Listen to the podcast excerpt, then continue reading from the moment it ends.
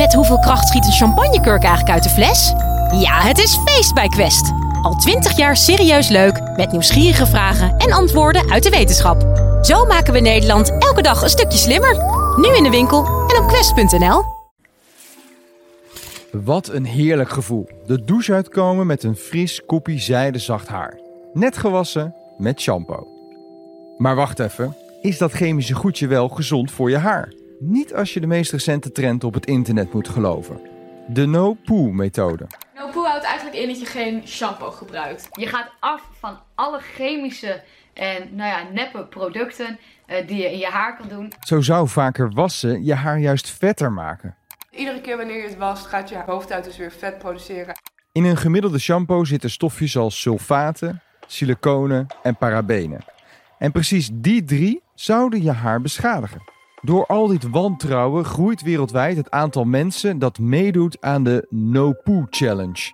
Heeft niks te maken met het Engelse woord poep. Heel veel mensen denken dat het over poep gaat. Vind ik ook leuk om over te praten. Gaat het niet over? No poo betekent dat je je haar niet meer wast met shampoo.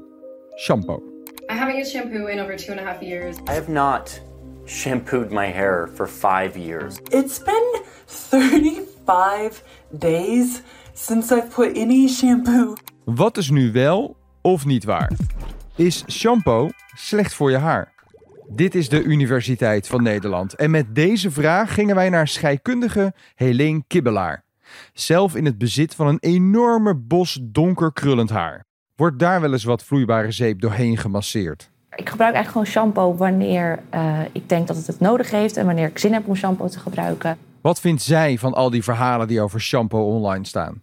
Heel veel inderdaad is daar, hela, is daar gewoon niet van waar. En dat is zonde, want daardoor komen er onwaarheden van shampoo de wereld in. En, en het is zonde dat zo'n product dan niet gebruikt wordt, terwijl het wel voor sommige mensen essentieel is. Om de mythes de kop in te drukken, post Helene regelmatig op haar Instagram over de wetenschap achter cosmetica. Ze is eigenlijk een soort van shampoo mythbuster.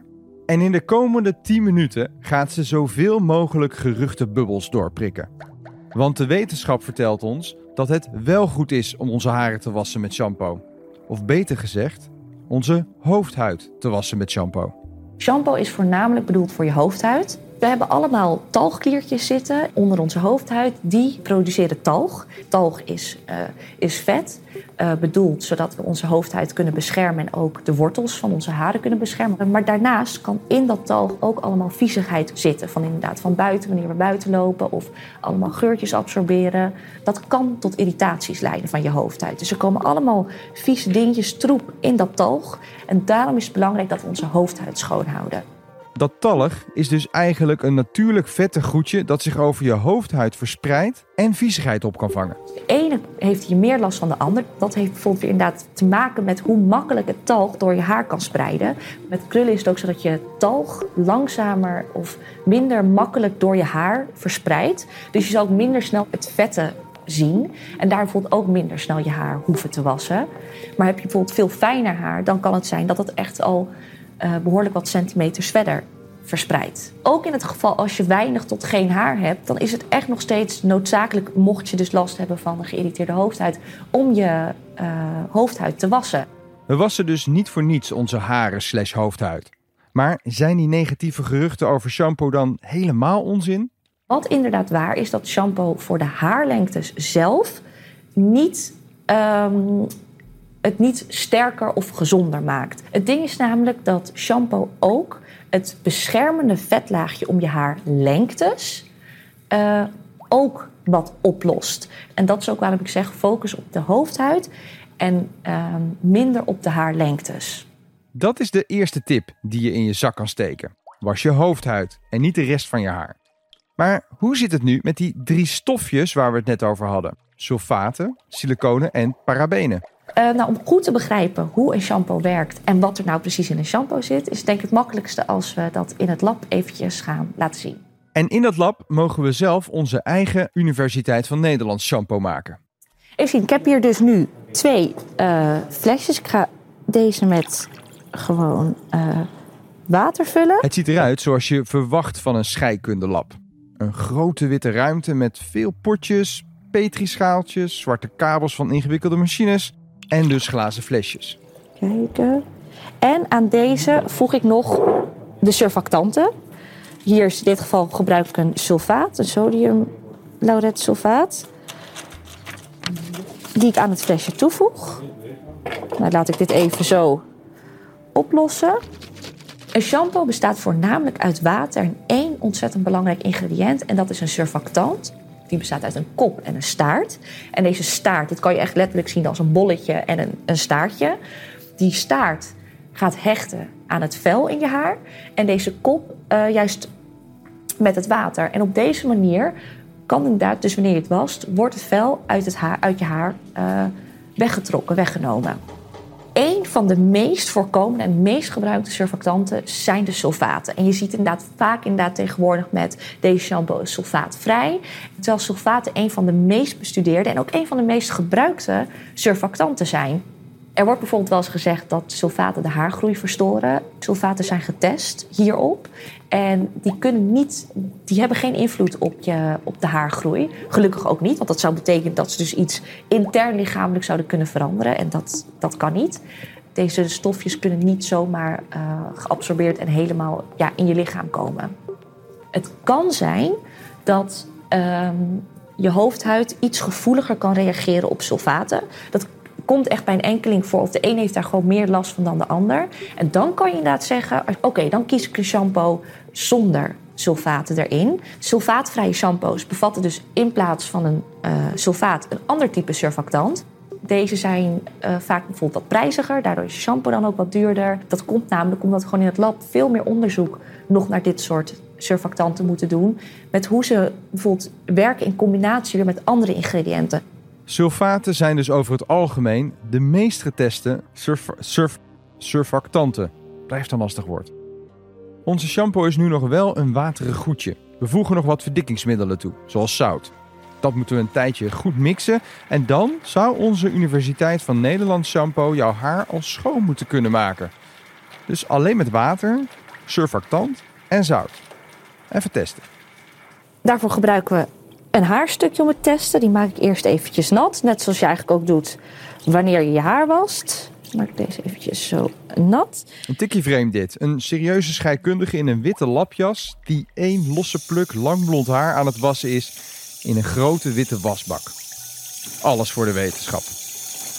Het haar is uh, schoon, want we hebben net shampoo eraan toegevoegd. Alleen, zoals je ziet, is het niet makkelijk doorkambaar... en het voelt ook uh, stug aan.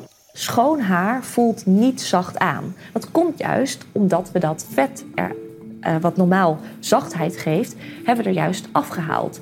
En dat is precies waarom een shampoo ook conditionerende ingrediënten bevat. Uh, heel bekend voorbeeld van zo'n conditionerende ingrediënt zijn bijvoorbeeld siliconen. Je haar is hydrofoob, wat betekent dat het waterafstotend is. Siliconen zijn ook hydrofoob en die kunnen dus dan met je haar binden. En dan maken ze een laagje om je haar heen.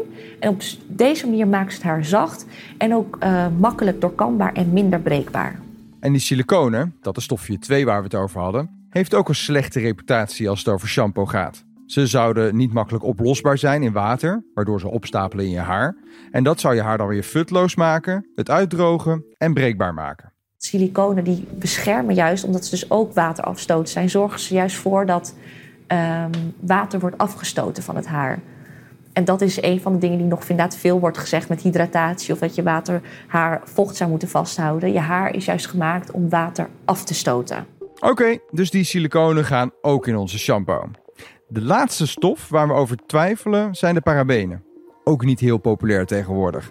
Het zijn conserveermiddelen maar zijn die wel nodig, Helene? Dit is een voorbeeld. Dit is een shampoo die ik een tijdje geleden heb gemaakt... waar geen conserveermiddelen aan toegevoegd zijn. En je ziet inderdaad hier dat er een uh, schimmelgroei is ontstaan. En ook als we dit uh, flesje openen, dan... Uh, ik hou hem even tot hier, want dan komt er echt een verschrikkelijke, verschrikkelijke geur vanaf. Een van de meest bekende conserveermiddelen is, zijn parabenen omdat ze ontzettend goed werken en heel veel getest zijn. Alleen is inderdaad vaak ook de controversie dat parabenen de hormoonhuishouding verstoren. Dit komt door een klein aantal onderzoeken die uh, zijn gedaan, die vaak verkeerd geïnterpreteerd worden en vervolgens door de media gehyped worden. En dat is ontzettend jammer, want we moeten goed kijken naar hoe we deze studies uh, moeten interpreteren. Een voorbeeld hiervan is een studie uit 1998, waarbij ze parabenen testen in gekweekte gistcellen en ratten. En hierbij vonden ze dat die parabenen duizenden tot miljoenen keer zwakker werkten dan oestradiol. En oestradiol is een natuurlijk voorkomende vrouwelijke geslachtshormoon. Naast het feit dat ze dus überhaupt al vonden dat die werking gewoon veel zwakker was, werden hier in dit geval ook nog eens um, die parabenen letterlijk ingespoten in deze ratten en in de gekweekte gistcellen, wat natuurlijk bij een normaal product helemaal niet gebeurt. En sterker nog, in dit uh, onderzoek gingen ze ook nog de parabenen voeren aan ratten. Wat je bij een cosmetisch product, dat, dat neem je niet in. Dat smeer je echt alleen op het oppervlak van je huid. En daar werd zelfs gevonden dat er helemaal geen effect was. Dus alleen wanneer het in werd gespoten en toen was het effect zelfs duizenden tot miljoenen keer zwakker. Het, het interessante is dat er juist heel veel studies zijn die niet de link leggen tussen negatieve gezondheidseffecten en parabenen. Maar die worden dan uh, op dat moment niet in zo'nzelfde artikel geplaatst. Oké, pak het pipetje maar. Die parabenen kunnen er gewoon in. Nu is onze shampoo klaar. Inclusief alle stofjes die je volgens de no-poo-trend juist moet vermijden. Maar ja, de wetenschap zegt dat het mag. Dan blijven we nog achter met één prangende shampoo-mythe. Wordt je haar vetter als je het vaak wast? Dit is niet waar. Want dat zou betekenen dat dus je shampoo effect zou kunnen hebben op je talgproductie. En dat, dat kan een shampoo helemaal niet. Ook kan het haar niet vetter worden dan daarvoor. Om dat uit te leggen moeten we weer even terug naar het talg. Er is namelijk een maximale hoeveelheid talg dat op je hoofdhuid kan liggen. Dat is per persoon verschillend. Maar laten we voor het gemak even een maximale hoeveelheid van 10 milligram nemen. Wat gaat de shampoo nu doen? Die gaat die 10 milligram vet gaat die eraf halen. Doordat die, dat vetlaagje er weer af is, wordt er weer nieuw, een nieuw vetlaagje op je hoofdhuid door je talgkliertjes geduwd. En dit vetlaagje zal uiteindelijk exact dezelfde hoeveelheid zijn als die 10 milligram. Het kan nooit meer worden. Je haar wordt inderdaad dus niet vetter en vetter, maar er kan wel gewoon heel veel vel in gaan zitten. En dit kan inderdaad wel tot ja, vies haar en eventueel irritaties leiden. En dat is waarom we ons haar wassen. Helene kan ons nog veel meer uitleggen over shampoo en de hoes en de wats. Maar voor nu kan ze ons geruststellen. Onze Universiteit van Nederland shampoo is absoluut niet schadelijk voor je haar. Probeer nu onze Universiteit van Nederland shampoo vol met sulfaten, siliconen en parabenen. Wetenschappelijk getest en vriendelijk voor je haar. De UVNL shampoo. Durf jij met je haar te smeren?